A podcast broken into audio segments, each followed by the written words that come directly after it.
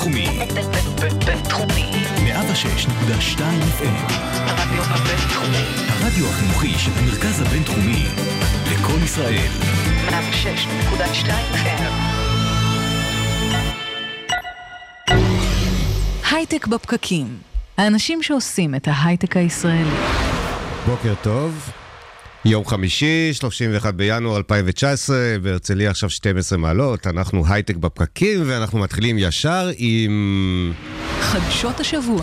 בוקר טוב לך, גיא גרימלנד, דובר אינטל ישראל. בוקר טוב יזהר, איזה בוקר שמח לכלכלה הישראלית על אחרי השבוע המטורף שעברנו. אני חושב שזה אחד השבועות השמחים שעברתי בחיים שלי. וואו, אז אנחנו כאן אה, כדי להשתתף בשמחה, ולמי שמכם במקרה ישן בשלושת הימים האחרונים ולא שם לב למה שקורה ברדיו, בטלוויזיה, בעיתונות הכלכלית, הכללית והמידיה, אינטל ישראל בהודעה סנסציונית על השקעת ענק בהייטק הישראלי, על מה מדובר גיא? אז אנחנו, אה, האמת זה התחיל הכל ביום שני בערב, מאוד מאוד התרגשנו, וממש ככה, אני אכניס אותך ככה ל...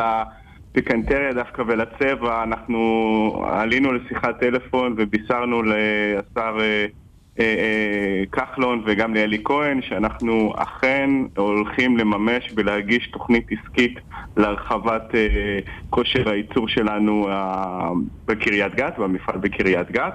אחרי הרבה מאוד חודשים, הרבה מאוד עבודה, הודענו כבר שאנחנו בוחנים בישראל, יחד עם מדינות נוספות אגב, ראוי להגיד את זה. וביום, נדמה לי שביום שלישי בבוקר כבר הוצאנו הודעה רשמית אחרי שבישרנו להם והגשנו את ההודעה ואנחנו הולכים להשקיע ולהרחיב את הפעילות הייצור שלנו לטכנולוגיה מאוד מתקדמת. אה, גיא, אה, כל הדברים הטובים שזה הולך לעשות למשק הישראלי ולעובדים פה, אה, גם יש אה, אה, הרבה מבקרים שמביעים חששות מהמהלך הזה ומהמענק שה, שהמדינה הולכת לעשות, ומה יש לך להגיד אולי כדי להרגיע את, ה, את החששות האלה? קודם כל זה דיון שהוא חשוב וטוב שננהל אותו, אני ממש לא בורח ממנו, אני חושב שזו השקעה מספיק גדולה כדי שנדבר עליה מכל מיני זוויות.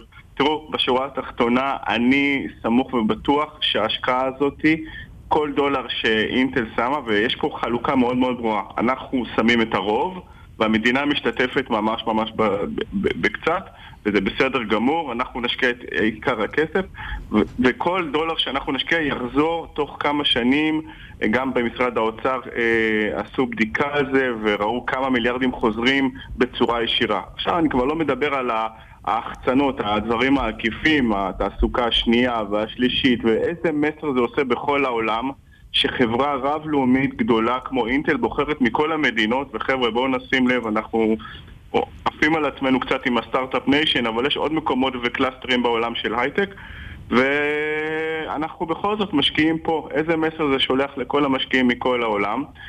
אמ, כן, צריך להשתתף, להביא את החברות הרב-לאומיות ולהיות אטרקטיביים להשקעות, ואני חושב שטוב ש, שזה ככה ושלא המצב הוא הפוך. אז תעשה לנו סדר, גיא, אתה מדבר פה על שנים ועל uh, השפעה ארוכת טווח. קודם כל, מדובר על, בסכום מדויק, מדובר על 40 מיליארד שקל, זה נכון? אני לא יכול להגיב בצורה רשמית על המספר, אבל אה, בוא נגיד ככה שההשקעה מאוד מאוד נכבדת, מאוד מאוד עצומה, וסך הכל הדיווחים בתקשורת, אתה יודע, נאמנים עליי. אוקיי, okay, וזה לאורך מה? לאורך העשור הקרוב, החמש שנים הקרובות? בעצם מה זו ההשקעה הזאת? על מה כן, מדובר? כן, כן, כן. אנחנו מדברים על השנים הקרובות, על החמש שנים הקרובות, אה, וזה הולך לעשות הרבה מאוד מהפכה בגלל שההשפעה הכלכלית של דבר כזה שונה לגמרי ממה שאנחנו מכירים ממרכזי פיתוח. תראו, אני רוצה להבין, לתת קצת איזשהו קונטקסט לגבי ההייטק הישראלי. Um, הרבה מאוד מתנהל בסביב מדינת חדרה-גדרה, uh, ובעיקר בתל אביב, והרבה מאוד, וכשמדברים על פיתוח מדובר במהנדסים, ולנו יש 7,000 כאלה, ואני לא מזלזל, זה מאוד מאוד חשוב, אבל בסופו של דבר זה מהנדס שיושב או מפתח קוד מול מחשב. וזה לא מזין את הכלכלה כי אין הרבה, אין הרבה מה לכלכל כשאתה יושב מול זה, אולי המסעדה, אולי שירותים, אולי ניקיון. כשמדובר במפעלי שבבים עצומים, יש לך אה, הרבה מאוד תשומות שאתה צריך להכיל, אנרגיה, אה, חשמל, מים, אה, כל הספקים שצריכים לקלקל את האופרציה הזאת, ואז כבר מגיעים למספרים שאתה, אה, הם הרבה יותר אחרים מאשר המו"פ. אה, גיא, אין ספק שזה השבוע של אינטל, גם שמענו שהגשתם אה, הצעת רכישה אה, למלאנוקס. למה ישראל? טוב, על זה אני באמת לא יכול להגיב. אוקיי, אנחנו רק נזכיר, רק נזכיר לכולנו שאתם היצואן הגדול ביותר במדינת ישראל, בטח של ההייטק הישראלי. אתם אה, השקעתם והולכים להשקיע עוד כ-40 מיליארד שקל, למרות שלא אישרת לנו בדרום, וקניתם את מובילאיי לפני שנה וחצי בכ-16 מיליארד דולר, והעיתונים מדווחים, או מלאנוקס דיווחה, שקיבלה מכם הצעת רכישה ב-6 מיליארד דולר. בקיצור, אין יותר הייטק הישראלי, יש אינטל ישראל. אנחנו מפרגנים, גיא, זה בסדר. בוקר טוב לך ותודה רבה. תודה רבה, יזהר. חדשות נוספות, קארין? כן, אז אה, שבוע הבא אה, יחול ראש השנה הסיני. אה, מזל, לא מזל טוב, מה אומרים? שנה טובה? שנה טובה, שנת החזיר. איך אומרים את זה בסינית? רוצים שיעור בסינית? אומרים שין ין קואלה. שין יא קואלה? שין ין קואלה. שאלת כי ניסית להתקיל אותה נתן או כי ידעת לא, כי רציתי לשמוע. רצית לשמוע את זה? אני יודע שקרין... לא ידעתי. כן. אוקיי. שין יא קואלה. ואיזו שנה זאת? שנת המה? שנת החזיר. שנת החזיר, נפלא. כן. אז אה, נדבר רגע על סין ועל אה, חדי קרן אה, חדשים, שב-2018 נולדו 97 חדי קרן בסין. אמ, מספר אה, יפה ומרשים לכל הדעות. בואי נתרגם את זה, זה אומר שכל ארבעה ימים... כל ארבעה ימים. נולד בסין חד קרן. חד קרן, וכשני שליש מתעשיית חדי הקרן העולמית נמצאת בסין. אוקיי. מה, מה יכולים לפתוח גן חיות. נכון, כן. חדי קרן. אה, מה, יזהר, מה זה אומר אה, לדעתך על ההייטק הישראלי, על תעשיית חדי הקרן בישראל? כן, קודם כל זה אומר על סין, שהם יצרנים אדירים, גם של הייטק וטכנולוגיה וגם אה, חדשנות. התרגלנו לחשוב עליהם אחרת, אבל הנה, אימפריה בפני עצמה. הם אה, גדלים. הם, תקשיב, עושים הרבה IP בשנים האחרונות. שני שליש מהחברות החד-קרניות בעולם הן סיניות. שלושת רבעי כלכלת החד קרן, כלומר אה, הערכות כן. שווי של חברות וזה, הן חברות סיניות. מה זה אומר עלינו? אני חושב שקודם כל קצת צניעות.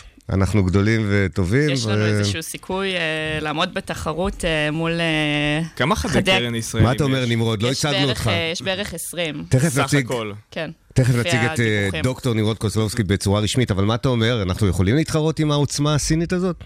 אני חושב שהמודל של ההייטק הישראלי לא באמת מעודד הקמת חדי קרן רוב הזמן.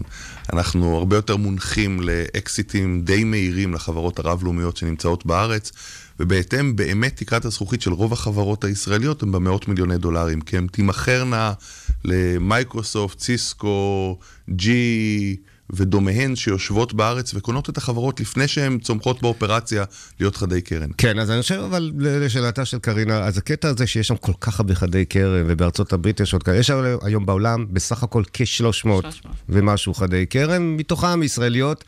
אה, ההערכה היא, כן, בין 10 ל-20. אז אנחנו עדיין בסדר יחסית לגודלנו הגיאוגרפי, וגם לתל"ג שלנו. לא נשכח שבסין יש 1.4 מיליארד אנשים. ואצלנו קצת פחות, נכון? ואני חושב שמה שיוחד את החדי קרן שלנו, לכשיצמחו ואלה שכבר צמחו, זה חברות טכנולוגיה משמעותיות, כמו מובילאיי, כמו אה, נלנוק שהרגע הזכרת, ואחרות.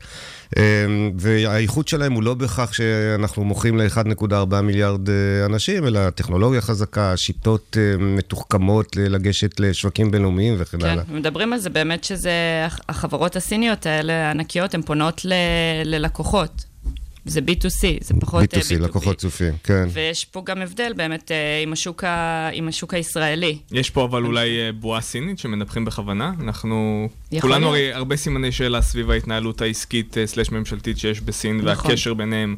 יכול להיות. אז אולי זה בא לעודד אינטרסים. נדבר אחר כך על מספרים בדוח האקזיטים ועל... נגיע נשמע, לזה. כן, נשמע אז אנחנו חוגגים עם הסינים את השנה החדשה שלהם, ואנחנו חוגגים את uh, מאות החד... חברות אחת קרן, גם בסין וגם בעולם. עם פתיחה אופטימית כזאת, אני חושב שאפשר להתחיל את התוכנית, מה אתם אומרים? נתחיל? להתחיל את שנת הדרקון.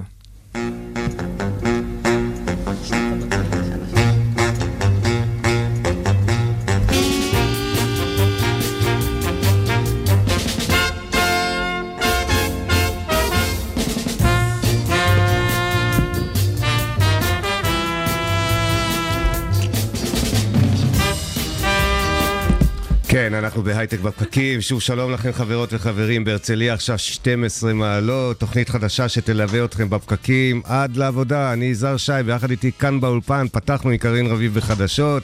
נתן לייבזון, מנהל אצטדיון הסטארט-אפ, מה העניינים? בוקר אור. שמחים שאתה איתנו, תכף נפנה גם אליך, נמרוד. אנחנו כאן מעל גלי הרדיו הבינתחומי, במקביל בפייסבוק live, על דף הפייסבוק של כלכליסט, וכמובן באיצטדיון הסטארט-אפ, תוכנית חדשה של הייטק בפקקים. היא מלווה אתכם הבוקר לעבודה, שילחו לכם בפייסבוק, סליחה, שילחו לנו, שאלות, תגובות, הערות בפייסבוק, תוך כדי שידור. אנחנו כבר למדנו להתייחס לדברים המעניינים שאתם כותבים שם. מי איתנו היום? דוקטור נמרוד קוזלובסקי, ראש מחלקת הטכנולוגיה והרגולציה ב-HFN, מיד ידבר איתנו. צ'קי אינטרטר ומייק זילברג, היא מנהלת שיווק והוא שותף וסמנכ"ל בקייט רייד ושין שבע, ועוד מעט תבינו מה השמות המסובכים האלה. מאוחר יותר נדבר עם אורי שרגא, עורך האתר סיטק. על דוח האקזיטים של שנת 2018, ומה מפריע לו בדוח הזה? קצת בפקקים, ניצן גל תארח את מקס סימונובסקי מסופיקר, ואנחנו לא, כמובן נקנח עם פרשת השבוע, נתן לייבזון יפרשן אותה כאן. באתי מוכן. גם אני, גם הכיפה שלי מוכנה, נתן. הולך להיות כאן מעניין היום. אנחנו פותחים איתך דוקטור נמרוד קוזלובסקי, ראש מחלקת טכנולוגיה ורגולציה ב-HFN. בוקר טוב, אהלן. בוקר טוב. HFN, תגיד, זה הרצוג? הרצוג פוקס נאמן. הנה, אמרנו את השם, הכל בסדר, נמרוד, אנחנו... אנחנו גם הייטק, מיתגנו את עצמנו כ-HFN, מיתוג בינלאומי, שמתאים לכך ש-70% מהלקוחות של HFN זה החברות הרב-לאומיות. תגיד, נמרוד, רק לעשות סדר עבור המאזינים שלנו, אתה עורך דין, נכון? כן. ומי שלא רואה אותך, לא הגעת לפה עם חליפה עניבה וחולצה לבנה. אז אני רוצה לחשוב על עצמי לא רק כעורך דין, אני יזם הייטק ומשקיע בהייטק, אה, עד לאחרונה כשותף ב-JVP, לאחרונה... משקיע בהייטק אה, במסגרת אחרת. אה, אז אני נוטה לחשוב על עצמי גם כמישהו חלק מהתעשייה, והייתי יזם של שני סטארט-אפים.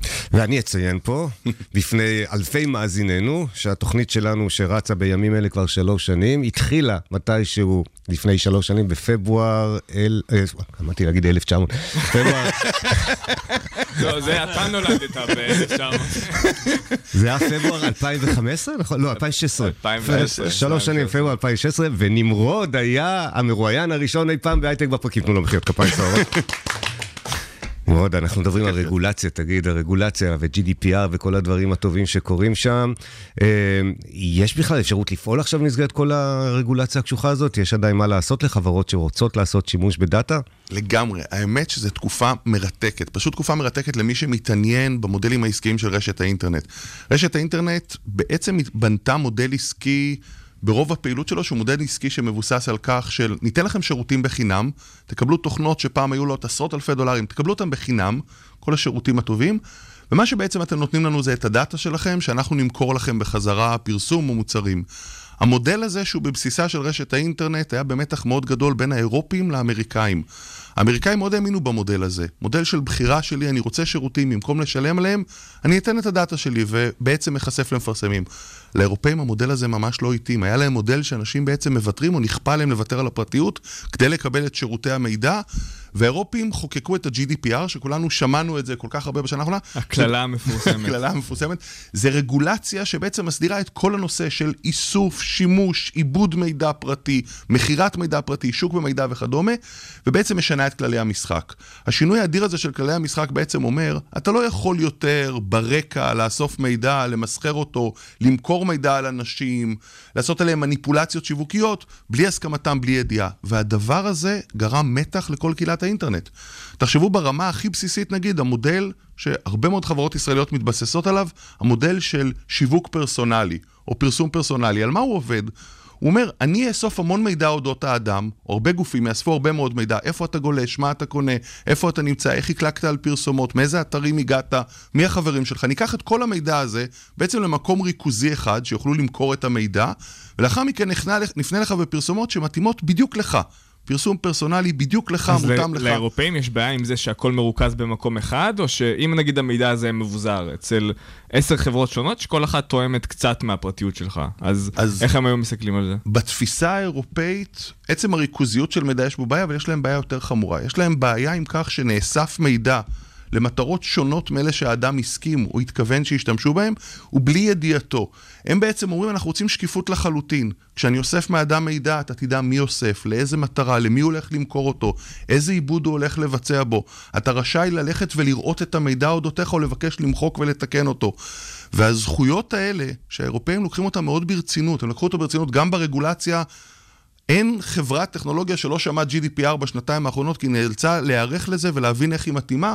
הם גם התחילו במסע אכיפה כנגד המפרים. כנגד גוגל בעיקר. כנסו אותם הרבה בשנה האחרונה. מה שהיה מעניין באכיפה הנוכחית, ובאמת, למי שלא מכיר את הסיפור, 50 מיליון יורו קנס לגוגל לאחרונה, מסמל לא רק את המכה כנף לגוגל ב-50 מיליון יורו, הוא מסמל הרבה יותר. בעצם על מה אמרו לה? המודל שלכם שהתבסס עד היום, שאתם נותנים למפרסמים את הגישה למידע הפרטי, את היכולת לתשאל את המידע הפרטי כדי לחזור בעצם ללקוחות שלכם, כל המודל שבעצם הדפדפנים עובדים עליו, שהם אוספים הרבה מאוד מידע פרטי ולאחר מכן מאפשרים לפרסם בצורה ממוקדת לאדם, הם אומרים, המודל הזה לא נראה לנו הולם יותר את ה-GDPR, כי המודל הזה שבו אתם נותנים את המידע ללא ידיעה של האדם למי הוא נמסר, הוא לא יודע איפה המידע שלו, מי משתמש בו, לאיזה מטרה, איזה עיבוד או מניפולציות בוצעו בו, לא תואם את ה-GDPR, מה שגורם לגוגל בעצם לשנות את שוק הפרסום. גוגל ופייסבוק חולשות על 75%, כמעט 80% משוק הפרסום, גוגל משנה את המשחק ואומרת... העולמי. העולמי. היא אומרת כמעט לכל התעשייה יש כללים חדשים. מעכשיו היכולת היחידה שלכם להשתמש במידע, אם אספתם אותו בהסכמה למטרה הספציפית, האדם יודע מי חזר אליו לאחר מכן בפרסום, ובעצם שוק אדיר שכולנו מכירים אותו מהתוספים לדפדפנים או הפרסום הממוקד. אז נמרוד, אז גוגל חטפה קצת אה, מין מכה קלה על האצבעות של הידיים. יש לך דוגמה או שתיים לחברות שכן עושות שימוש נכון, שלא נכנסו, שהן עובדות בהתאם לרגולציה חדשה וכולי, ועושות שימוש מעניין בדאטה על פי חוק? בהחלט. א', אה, יש הרבה מאוד חברות שנערכו מההתחלה למודל הזה. נגיד במודל המעניין של שיווק ממוקד, יש חברה שנקראת קריטאו. חברה שהונפקה בכשלושה וחצי מיליארד דולר. קריטאו עוסקת בשוק הזה של לחזור אליך בהצעה ממוקדת בהתבסס על המידע שלך. אבל קריטאו עובדת על פי הספר ב-GDPR, זה ממש מודל שלם של איך הגורם שאסף עליך את המידע, נגיד חנות הכלבו... H&M או כדומה שביקרת בה, אספה את המידע, קיבלה שימוש למסור אותו לצורך פרסום ממוקד, ולאחר מכן כשאתה מקבל הודעה מקריטאו, היא הודעה שמסמנת, אני על בסיס הדאטה שלך הגעתי אליך, זה הדאטה שהיה לי אליך, מאלה הוא נמסר לי, ובהתאם לזה נחשפת למודעה הזאת. קריטאו עובדת על מודל של שקיפות, ומה מעניין?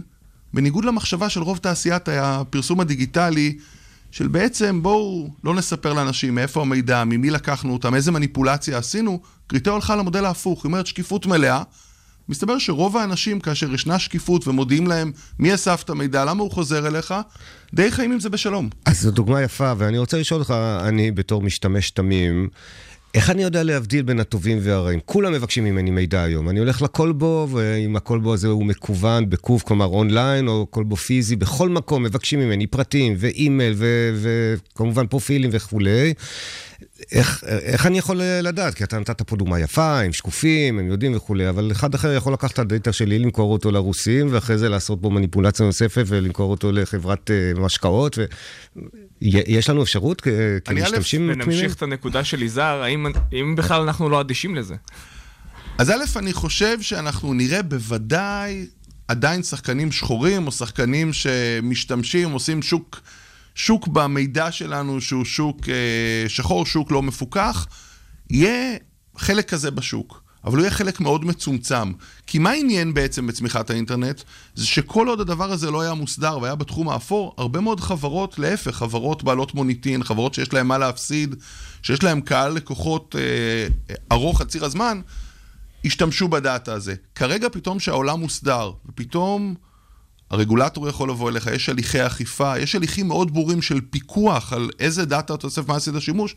רוב רובו של השוק, 90 ומשהו אחוז מהשוק אנחנו רואים, מסתדר לאור הרגולציה, מכיוון שלחברה אה, שסוחרת בהיקפים גדולים, חברות אה, אה, שרוב השוק שלהם נבנה על המוניטין מול צרכן הקצה, הסיכון שלא רק בהפסקת הפעילות שלהם או בפגיעה בפעילות העסקית שלהם כתוצאה מאכיפה, אלא הסיכון מוניטין הוא כל כך גדול שהן בעצם מתיישרות. אז אנחנו פתאום רואים מצב, כן, אנחנו נמשיך לתת את הדאטה, ואני חושב שנתן שואל בצדק רב, יש פרדוקס הפרטיות. אנחנו כל כך מדברים על פרטיות וכמה זה חשוב לנו וכמה אנחנו חרדים לה, אבל בסוף אנחנו... מעדיפים דברים בחינם. עליה, אנחנו מעדיפים את הבחינם. כן, זהו, אנחנו אנחנו... מעדיפים את ההנחה אני מעדיף את הקטנה. כל התוספים האלה שיבואו לי בחינם, וקחו את הדאטה שלי, אין לי נכון. שום דבר סודי.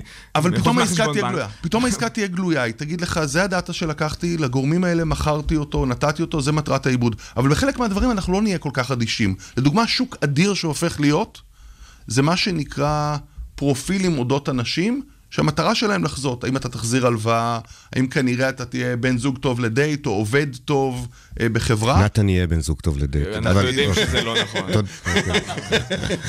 אני משוחד. אני פשוט הסתכלתי על הדאטה. אז המידע שלך, שמהרבה מאוד מקומות, משמש בעצם בשביל ליצור חיזוי אודותיך וניקוד. עכשיו, דיברנו על סין קודם, בסין זה פשוט מוסדר היום. בסין המודל הזה נקרא ססמי, סומסום. יש לכל אחד הפרט- מדרג סומסום. מדרג. מדרג הפרופיל שיש לך, בעצם אומרים לחברות, קחו את המידע שיש לכם אנשים ותנסו לייצר להם מדרג חברתי. היום בסין כל בן אדם יש לו ציון בין 300 ל-900. בשנת 2020 זה כבר יהיה פרויקט ממשלתי, והפרויקט הזה יאמר, השתמשו בדאטה בשביל ליצור עליך ציון. עכשיו, מה הציון הזה יכתיב? הוא יכתיב אם כנראה תקבל מקום עבודה, אם תקבל הלוואה, אם תוכל להתקבל לאוניברסיטה, ואז זה כבר מטריד אנשים, כי המידע בעצם עוקב אחריהם, והופך להיות הרבה יותר חשוב מפעילותם בחיים. הציון על בסיס המידע והאיסוף שלו, בעצם יכתיב את מהלך. נמרוד, אני- זה פרשנות. אה, נמרוד- נמרוד נשמע לי טיפה, לא טיפה, נשמע לי אופטימי בסך הכל באשר לשימוש בדאטה, אז אני רוצה לקחת אותך מעניין לעניין באותו עניין ולהספיק איתך עוד עניין מאוד עדכני. הזכרת בתחילת דבריך שעד לאחרונה היית שותף ב-JVP, קרן הון סיכון מפוארת, בין הטובות בעולם.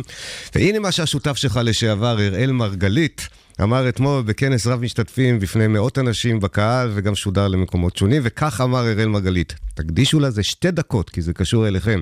בתור המשקיע הגדול ביותר בסייבר היום, לפחות בישראל, חבר לשעבר בוועדת הסייבר החשאית, והיום בכנס ה Cybertech הוא אומר, הגיע הזמן לומר את האמת. העובדה שרגע לפני הבחירות נתניהו, אישיות פוליטית ויושב ראש הליכוד, הנמצא תחת חקירה פלילית, שולט בצורה בלעדית במערך הגנת הסייבר האזרחי, היא סכנה ברורה ומיידית לדמוקרטיה הישראלית.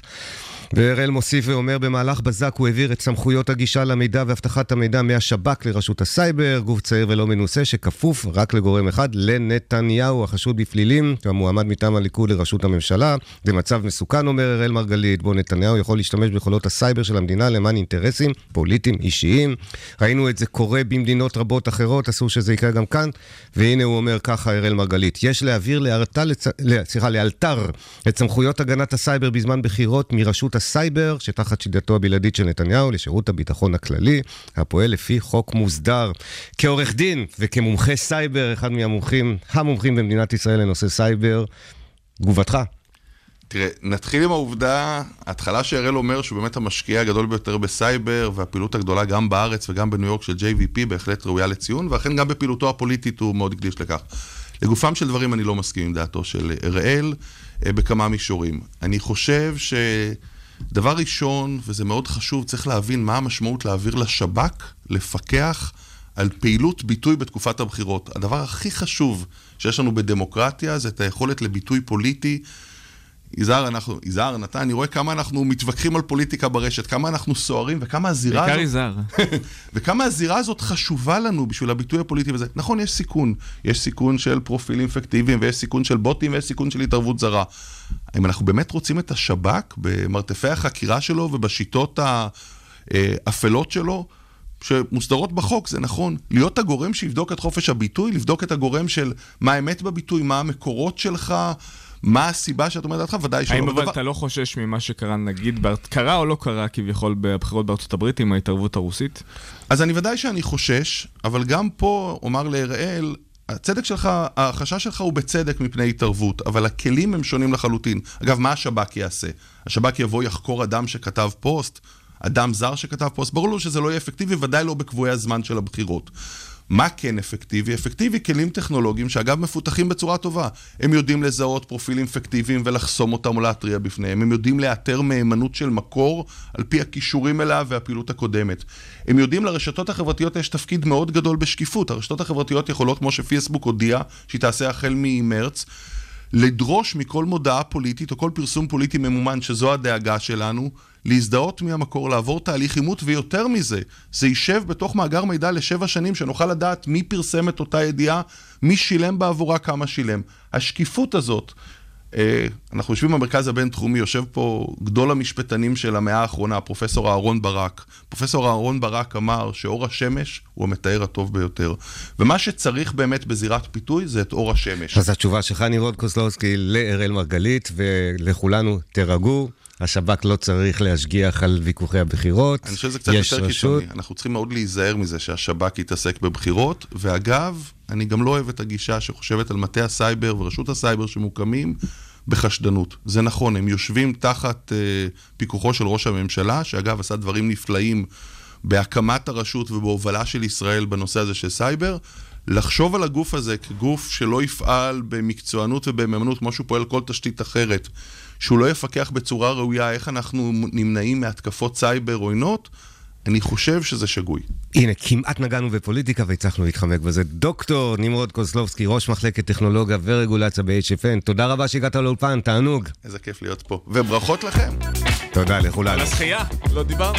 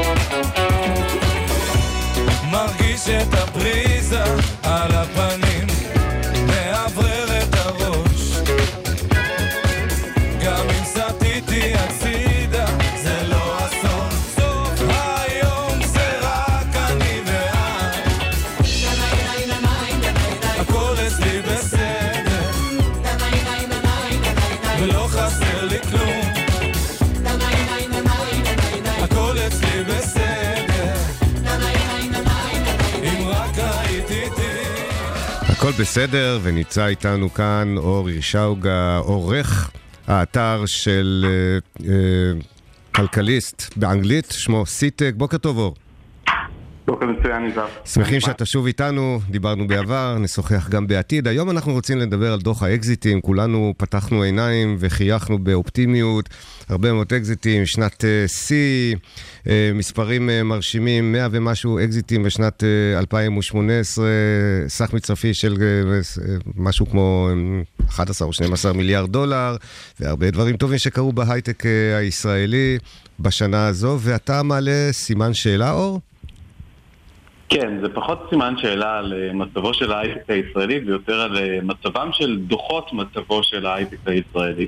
אז בואו נדבר על אה, הדוחות, ואני אזכיר, הדוח מדבר על, הנה יש לי את המספר מול העיניים, 12.5 מיליארד דולר ב-103 עסקאות בשנת 2018.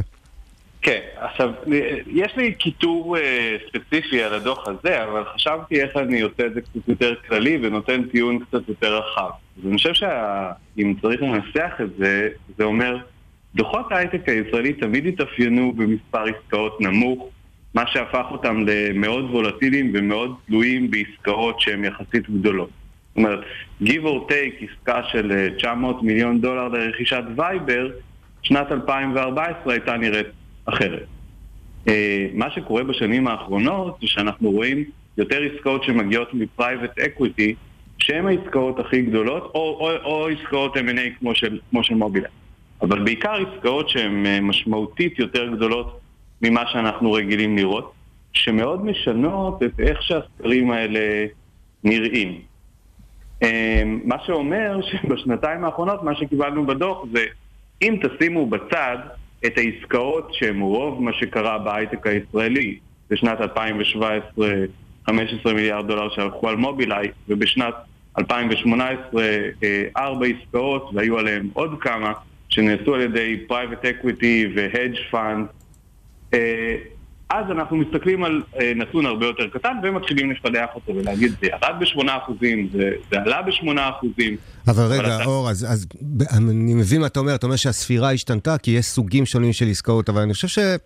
אם אה, נשים את זה רגע במבט רחב יותר, זה גם מה שקורה בעולם. private equity, קרנות גדולות אה, נכנסות לזירת ההייטק יותר ויותר, קונות חברות גדולות, עושות בהן אה, מניפולציות, מוכרות אותן מאוחר יותר. כלומר, זה הפך להיות חלק מהמשחק ואי אפשר להתעלם ממנו. הכל מדויק, רק שיש פה שני דברים שצריך להוסיף. הראשון הוא, בגלל שהיינו שוק שהוא קטן, וקשה לעשות עליו פילוחים שהם קוהרנטיים ו- ו- טובים סטטיסטית ושלא מוטעים מתוצאה שהיא פייק אחת או אחרת, הדבר הזה מאוד החריף בגלל שכמה עסקאות מאוד מאוד גדולות מאוד משנות את המפה. אני אתן אחרי זה דוגמאות ספציפיות. תן, דוגמאות, כי, דבר... תן דוגמאות כי הגענו לאחרי זה. אוקיי, אז uh, הדוגמה, העסקה הגדולה שאנחנו מדברים עליה ב-2018 היא עסקה של 3.4 אה, מיליארד דולר מתוך 12.63 מיליארד דולר עסקה של אה, רכישת אה, אורבוטק על ידי KLA טנקו, שהכוכבית הגדולה היא שכרגע היא מחכה לאישור הרגולטור הסיני שאנחנו לא יודעים מתי יגיע. אז יש לנו את העסקה הגדולה ביותר בשוק, שאחראית בערך לרבע מסך הרכישות, שאם אנחנו נמחוק אותה הכל משתנה לחלוטין, ובעצם זאת עסקה לא סגורה שאפילו לא יודעים אם היא תהיה סגורה. זאת רק דוגמה אחת. עסקה שנייה עם פרווה 2.1 מיליארד דולר, זה נחמד מאוד להכניס אותה ב-2018, אבל החברות הבורסאיות הודיעו על השלמת הרכישה למעשה בינואר 2019. עסקה שלישית מבין, הרביע, מבין הרביעייה של העסקאות הכי גדולות ששינו לחלוטין את המאזן.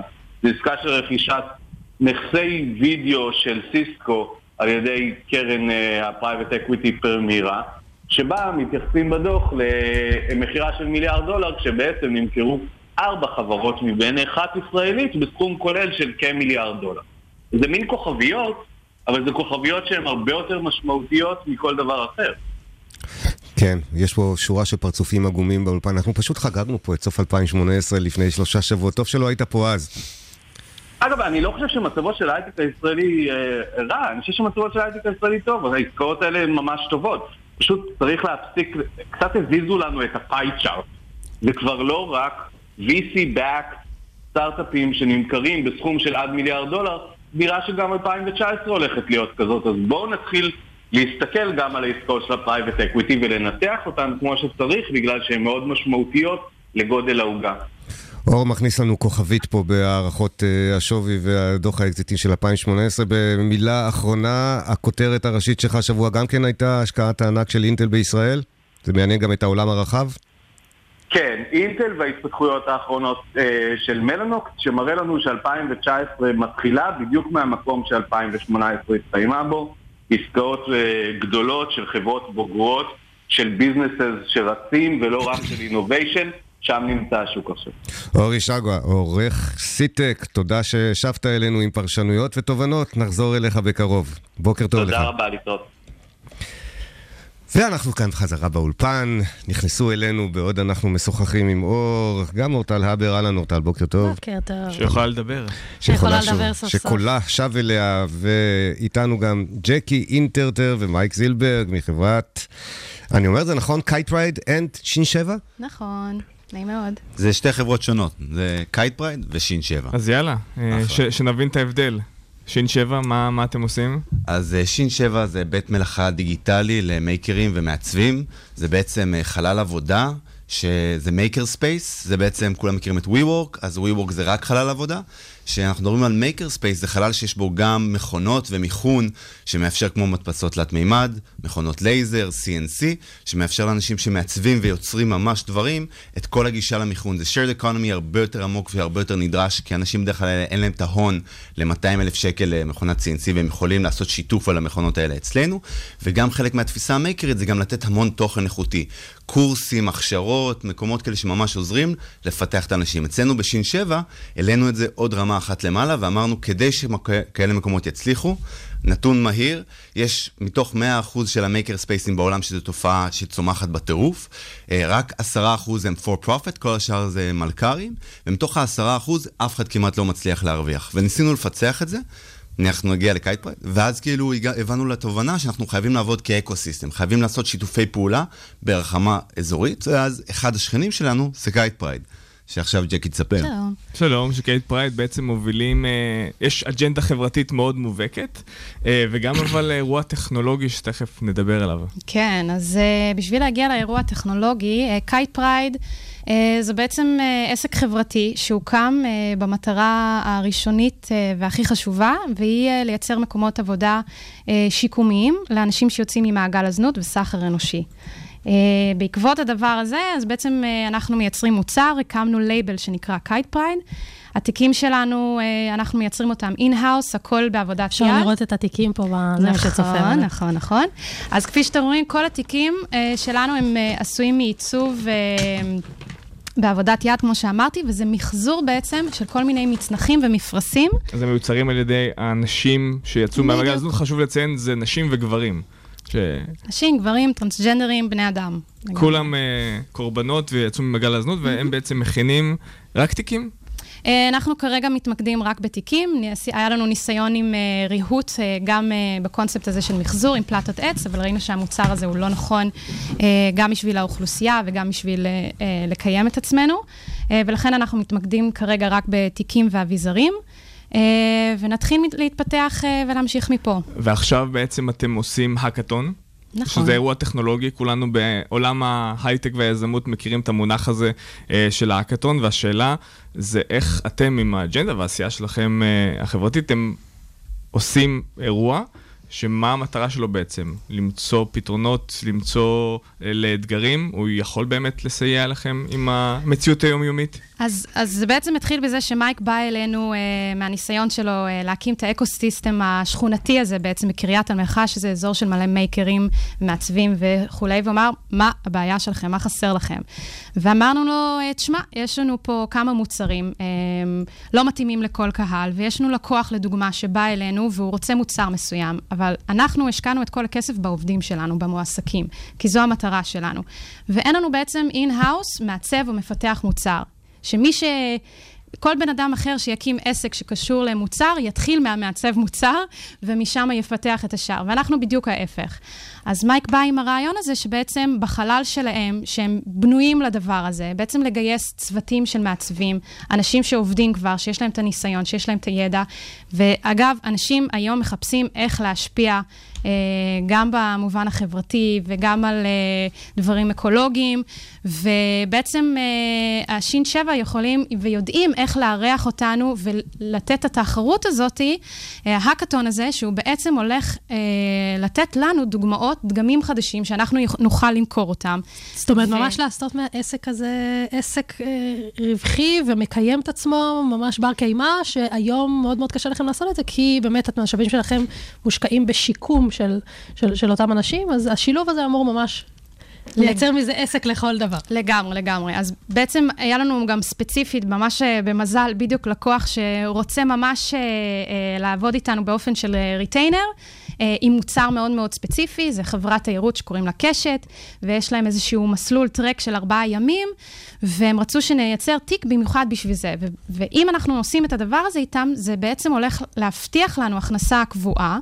שהדבר הזה אומר שבוודאות לפחות עוד שתי אנשים יועסקו בעסק, שזה מטורף. זה אימפקט ישיר ואדיר, והיה לנו ממש, חסר, היה חסר לנו את הכלים אה, לעשות את זה בעצמנו, והעזרה הזאת היא באמת אה, מאוד מדויקת. אגב, מייק, חשוב להגיד שבאמת כל הנושא הזה של מקרים, אני חושבת שאנשים לא כל כך מבינים ש... את הגמישות שהדבר הזה נותן. זאת אומרת, הנה דוגמה לעסק שאם פעם היו מאוד מאוד אה, תלויים בייצור, והיית צריך פס ייצור וכמות אה, מינימלית של, אה, של יחידות כדי שבכלל תרוויח מזה, פה בעצם אתם נותנים איזו גמישות של בא לקוח, רוצה לעבוד עם הזה, האימפקט חשוב לו, בבקשה, באו אלינו, ואנחנו יודעים לייצר את זה ברגע. נכון, בדיוק להתחיל. חלק מהגישה שלנו היא כי אנשים באים והם מייקרים, לרוב הם אנשים שלא מבינים כל כך בכסף או לא אוהבים להתעסק במכירות, ועזרתי לקהילה אחרת בתחום ה e-commerce, ופתאום ראיתי שיש פה שתי קהילות משלימות. אנשים שנורא אוהבים ליצור ולייצר, ונורא אנשים שאוהבים למכור ולחבר לשוק. ואנחנו יכולים להיות ה playground הזה שלוקח רעיונות ומתחיל אותם ובונה אותם ובונה את הבאצ'ים הראשונים, ואז לעזור להם לעבור כאילו לרעיון שהנה יש scale מספיק גדול, ואז אולי Kite Pride עכשיו יתחילו לייצר מקומות באפריקה, ודיברנו פה בחוץ עם מקס על אה, אולי לפתוח בהודו Kite Pride, ואז כאילו הרעיון שאפשר פה להיות בעצם האקסלרטור לרעיונות של כל דבר שהוא מוצר פיזי. יש המון סטארט-אפים ב software, דיברתם קצת על קודם, למה לא קצת ה hardware הוא גם מאוד חשוב. אה, יש המון, אה, למשל קרן כמו Joy Ventures, שמתעסקת בלעשות אנשים מאושרים יותר, בא אלינו עם מוצרים דומים. אנחנו יכולים להיות המקום שיכול לעשות facilitation. אבל בוא שנייה נחזור להאקתון והרעיון עצמו, שאחד החסרונות של האקתון, שבאים, עושים רעש, איזה יופי, מוצ... יוצרים מוצרים, ועכשיו אנחנו מדברים, מצד שני יש בני אדם שמחכים לזה, אם זה אתם עמותה, אם זה אנשים שעובדים אצלכם ורוצים באמת שיצא מזה משהו. יש מישהו שמגבה אחר כך, אנחנו נבוא ונייצר עכשיו אה, line מוצרים חדש. מי יתמוך כלכלית בדבר הזה שזה יצא לפועל? Uh, יש מישהו שמגבה אתכם? אז uh, קודם כל, אנחנו לא עמותה, אנחנו עסק, והרעיון הוא באמת שהדבר הזה, הוא יוצר פוטנציאל עסקי. זה אומר שלקוח שבא, עכשיו שיש לנו את המוצר הנכון, לקוח יבוא ויקנה את זה, ואז אנחנו נוכל לייצר את זה. אז uh, בסופו של דבר זה מאוד מאוד פשוט. ואיך נגיד עוד באקטון, נתת דוגמה של קשת, יש לכם עוד מוצרים מראש, שאתם יודעים שאתם מכוונים אליהם, שמראש דברים ישימים, שלא דברים, שסתם יבואו אנשים, יעשו טוב, כביכול יבזבזו זמן. כי מרגיש לי באמת על מטרה חברתית שהיא כזאת חשובה, צריך להיות מאוד ממוקדים ומאוד מדויקים. גם באירוע שהוא לא בעיקר יהיה באז והוואי, והנה אנחנו עושים... נתן ניסיון עשיר בהאקתונים, הכאב הזה בוער בו, הכאב הזה בוער בו. מדויק. מומחי ההאקתונים שלנו. פרופסור האקתון. זה בוער, יודע. אם לא רואים את זה. אז זה אני רוצה לחדד, וזה בדיוק הנקודה, וגם אני קצת מכיר האקתונים, וזה באמת קצת מבאס שמרוב שנותנים, חש... כל רוב החבר'ה שלמדים חדשנות אומרים לך לחשוב בתוך קופסה, ולא דווקא להשתגע ולח... ולצאת.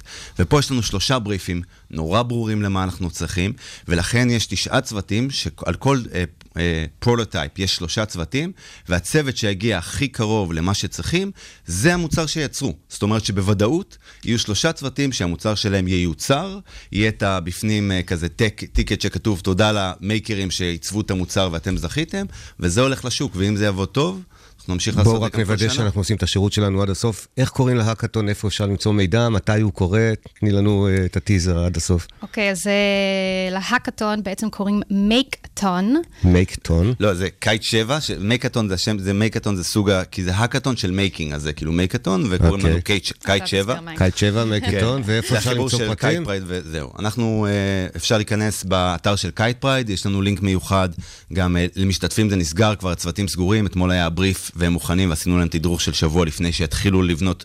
כבר הם אמורים להגיע למייקטון מוכנים. מה שעכשיו חסר לנו זה בעיקר תומכים. אנחנו אמרנו שלא משנה מה זה קורה, ואתה מכיר גם מה זה לגייס תמיכות למייקטונים והאקתון בגלל שפע. מתי תאריך? מתי זה קורה? שביעי ושמיני בפברואר.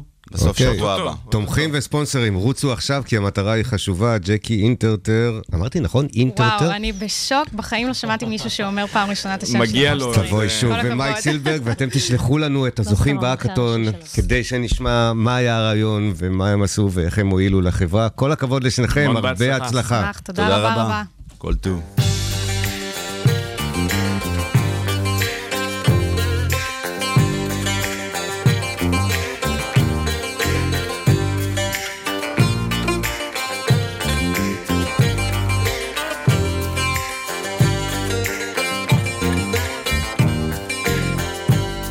ברחוב קטן במחוז גוש דן בקיץ שעבר.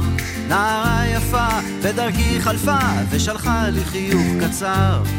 מכפות רגליים יחפות השיער חומגו זוהר. חיזיון מתוק רק צריך לבדוק אם הייתי ישן או ער.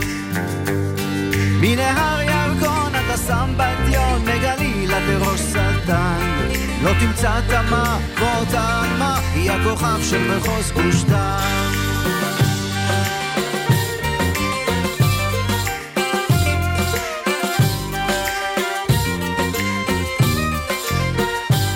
האם אני מביט בכוכב שביט?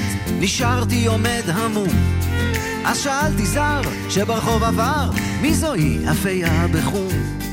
הוא חייך אליי כן, בוקר, בוקר טוב אה, גם לך, יגאל אלחרר, מירושלים, אבי נדלר, כותב לנו, כשאתה חושב שכבר ראית הכל, ואז כל הקאסט היפה הזה של הייטק בפקקים ב-HD, שמתם לב? וואי, להתעלף. טיוו אליך, מקס, כן. אה, בואו נראה, נועם מילוביץ', בוקר טוב מיוקנעם, בוקר טוב לכם, רבים וטובים, כיף שאתם איתנו.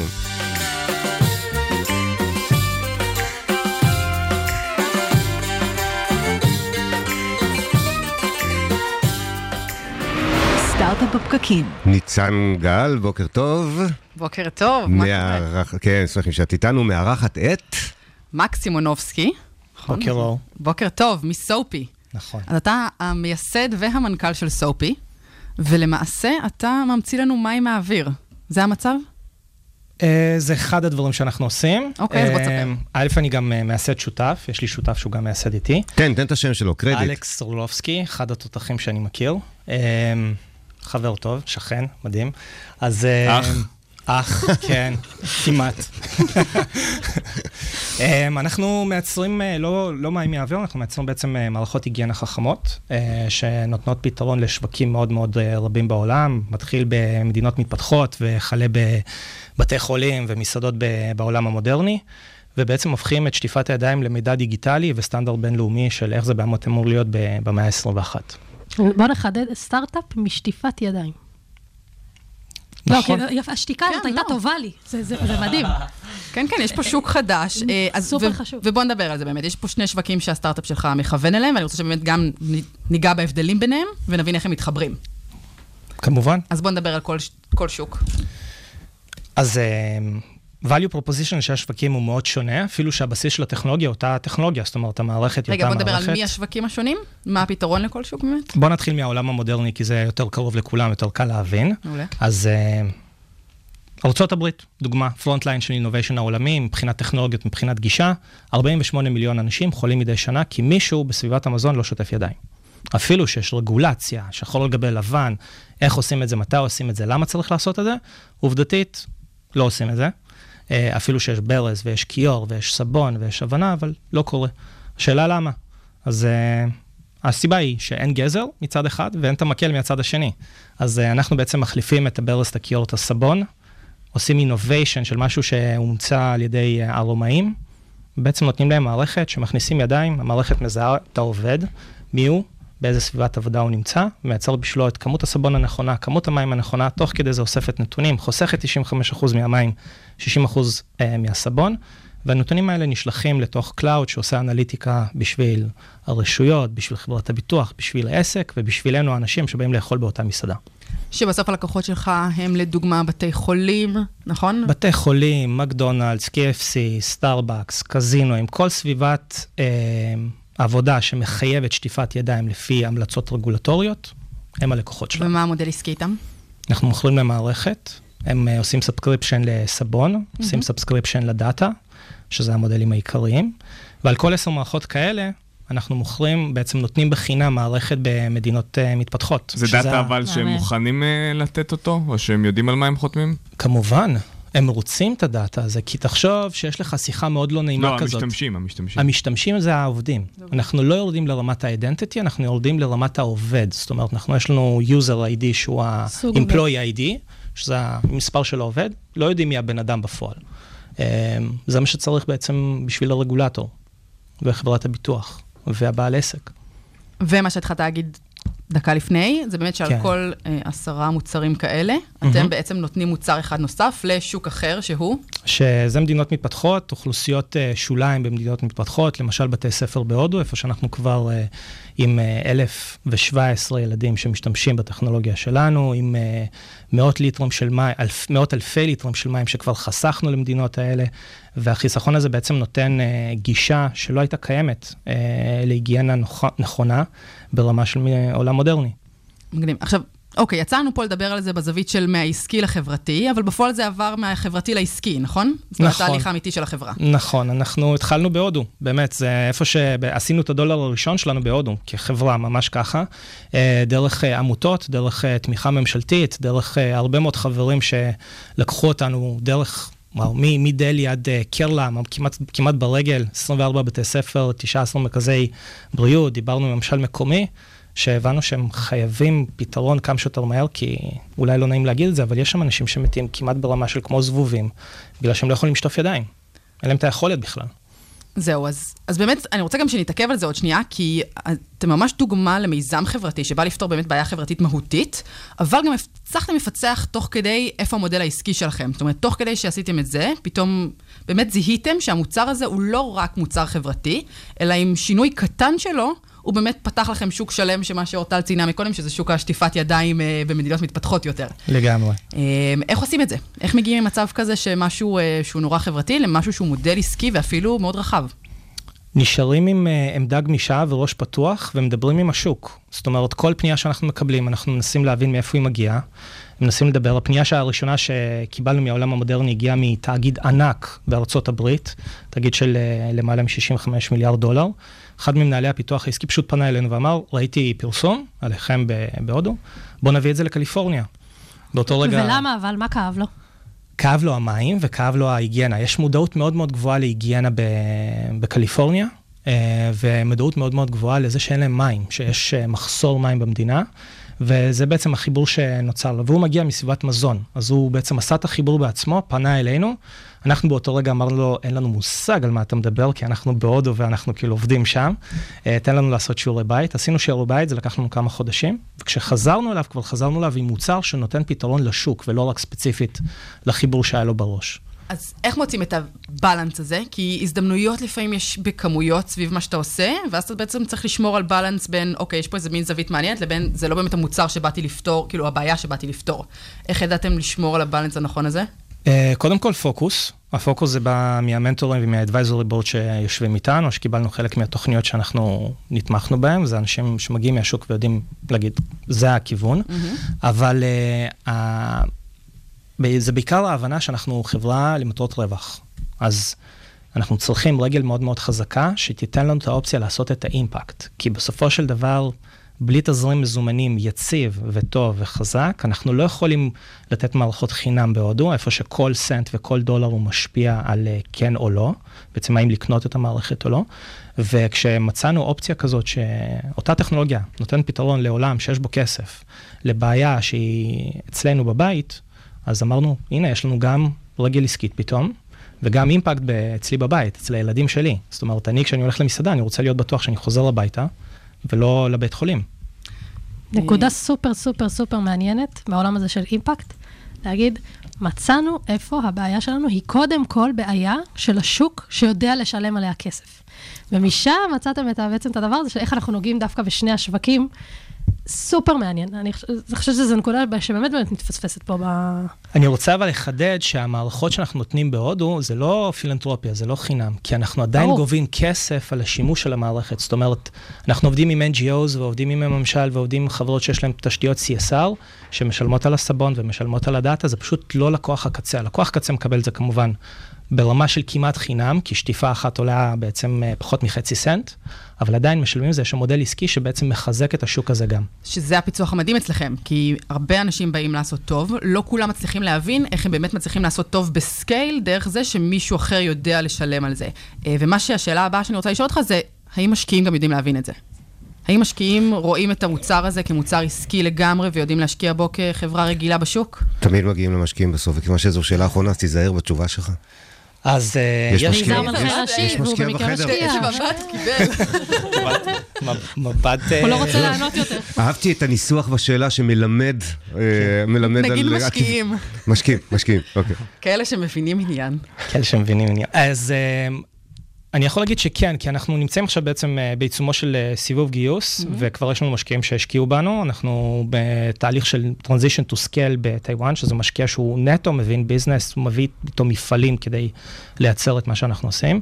אה, והתשובה היא מאוד פשוטה, בסופו של דבר חייבים לעשות ביזנס כדי לעשות אימפקט, ומשקיעים מבינים את זה. דוגמאות טובות זה קרנות בארצות הברית שאומרות, תראה לי את המודל העסקי, ואז תראה לי את ה-DNA של האימפקט שיש לכם. ואם זה קיים שניהם, אנחנו בפנים. אוקיי, okay, כן, יש פה מסר נורא חשוב האמת לכל העולם העסקי והחברתי, אז uh, באמת כל הכבוד. תמשיכו. מקס סימונובסקי, סו פיקר, ותודה רבה לניצן שאירחה אותך. כל הכבוד, בהצלחה. תודה.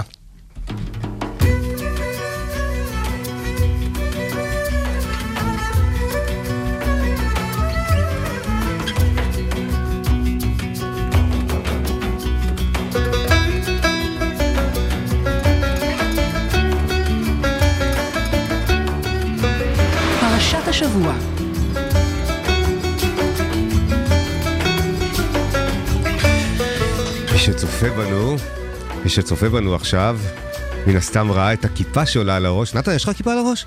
תראה, תוריד... אוקיי. הכיפות שעולות על הראש. נתן עם כיפה אדומה, אני עם כיפה כחולה, שתיהן... ואורטל מכסה את ראשה. אמ, אוקיי, התאוששתי. אנחנו צריכים לבקש עבורך מטפחת, אם את כבר... כן. אבל אני עוד לא נשואה, יש לי עוד זמן. למה להפלות? כיפה.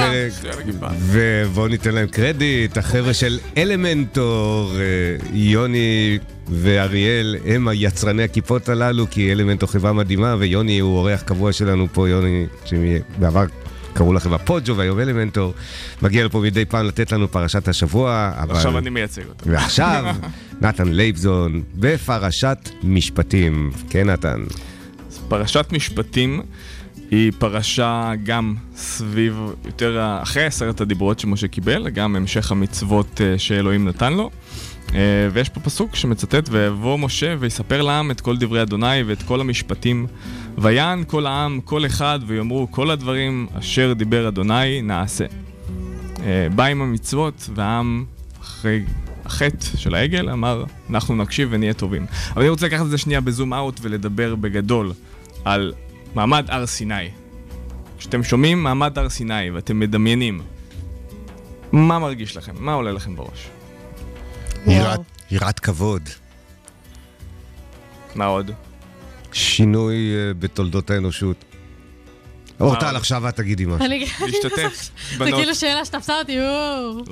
מה זה מעמד הר סיני? דרמה, דרמה, נכון. דרמה, כן, מה עוד? כן. הסכם. מסכים. אורי, מה זה בשבילך מעמד הר סיני? חטא העגל או שאני יוצא פה פסימי ורואה שחורות? חד משמעית, מה חדש? מה חדש? מה לעשות, זה מה שאני רואה, בסדר. כאילו, מעמד הר סיני זה, קודם כל זה אירוע מכונן, כי משם נוצר בעצם העם היהודי, הלוחות, כן. העם היהודי, כל המצוות, זה באמת משהו מטלטל. אבל בשבילי מעמד הר סיני זה לעמוד בפני הבורא. ומתי אנחנו עומדים בפני הבורא? תמיד. בהזדמנויות דרמטיות, לא? רגע, ביוזמתנו או... כי ביוזמתנו זה בדרך כלל שקורה חס וחלילה משהו רע. איך שאת רוצה לפרש את החיים, יכול להיות ביוזמתנו, יכול להיות לא. לא, זה אנשים ביוזמתם, אתה יודע, זה תלוי באיפה אתה באמונה, אבל... כשנולדים, כשעומדים בפני צמתים חשובים בחיים, חלילה כשהולכים לעולמנו, לא, אנחנו כן, עומדים כן, בפני הבורא. כן, בפני המוות, אני... כן. הפעם הפרשה וזה. הכי מורבידי שאתה יכול. הכי מורבידי, אז כן, אני רוצה, האמת, אה, פרשה שקרתה אה, מהחיים. אה, קרדיולוג. אורן זוסמן, שהוא נפטר מאירוע לב, אני רוצה לצט... לצטט שנייה דברים שהוא אמר, אוקיי? רופא למחלקת לב שהציל הרבה אנשים, וואו. אה, ואני ככה אקרא את אה, אחד הפוסטים האחרונים שלו. שש בבוקר אספתי שעתיים שינה ומתרגל לסוף התורנות. טלפון מצלצל ומוחמד, אח שהוא אח, מודיע, צריכים אותך דחוף בחדר שש. אני בחדר תוך חמש שניות ומוצא את לורה, בת שבעים מחוסרת הכרה, נושמת בכבדות. מה שאנחנו מכנים ברפואית נשימות אוגונליות האחרונות. היא הגיעה עם סרטן. במהלך בירור מהיר היה ידוע לנו שיש לה נוזל סביב קרום הלב. אקו דחוף אישר שהנוזל יתפתח למצב מסכן חיים והיא הלכה בדחיפות לניקוז. בין לבין החלה טיפול חלקי לסרטן, שוחררה וחזרה שוב לחדר 6. יש לה דופק חלש וסדיר. מה לעשות? לפעמים בפנימית אתה צריך לדעת גם מה לא לעשות.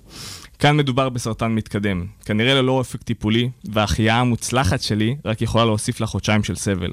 מצד שני, היא צעירה ורק התחילה טיפול. היא לא השאירה הנחיות מקדימות, נכון? אני שואל ומקבל חוסר תגובה מהצוות. להתקשר לכונן שלי, במקרה מנהל המחלקה? אני מחליט שלא. תביאו עגלה, אני מבקש, כשמתכוון לעגלת החייאה. צוות עושה לי פרצוף, כאילו רומז לי שאני פול גז בניוטרל. המוניטור מראה דופק סדיר, ומה שיש כרגע זה להנשים אותה. אנחנו מחברים מכונת הנשמה ורצים לחדר טיפול מוגבר. לאחר כשעה היא פותחת עיניים בבהלה. לא רע, אני קורא חצי שמח. הייתי חייב להנשים אותך כי הפסקת לנשום. מודיעים לי שהמשפחה שלה בחוץ ואני יוצא אליהם ומסביר את מה שקרה. אחרי כמה שעות כשאני כבר בבית, לורה סימנה לצוות שהספיק לה, והצוות נתן לה שינה מתוקה רוויה במורפין. כשחזרתי לעבודה היא כבר לא הייתה. הסיום של הסיפור מסתיים במוות כמו רוב הסיפורים בפנימית, אבל עדיין מרגיש לי אחד הניצחונות, כי הצלחתי לתת הזדמנות פרידה לה ולמשפחתה. בום. וזה סוג של מעמד הר סיני. בשבילי. איך שמים מוזיקה אחרי סיפור כזה? לא שמים. לא, לא שמים.